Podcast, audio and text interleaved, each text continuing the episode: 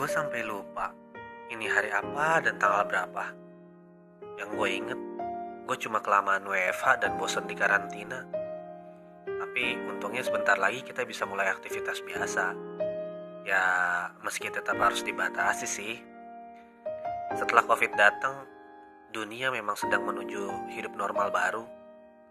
Hari ini dan besok bakal jadi pelajaran banget buat kita untuk cepat beradaptasi. Semuanya nggak lagi sama kayak dulu. Kebiasaan dan cara hidup kita akan banyak berubah. Mulai dari ngampus, kantor, nongkrong sama temen, belanja bulanan, sampai nonton konser dan film juga ikut berubah.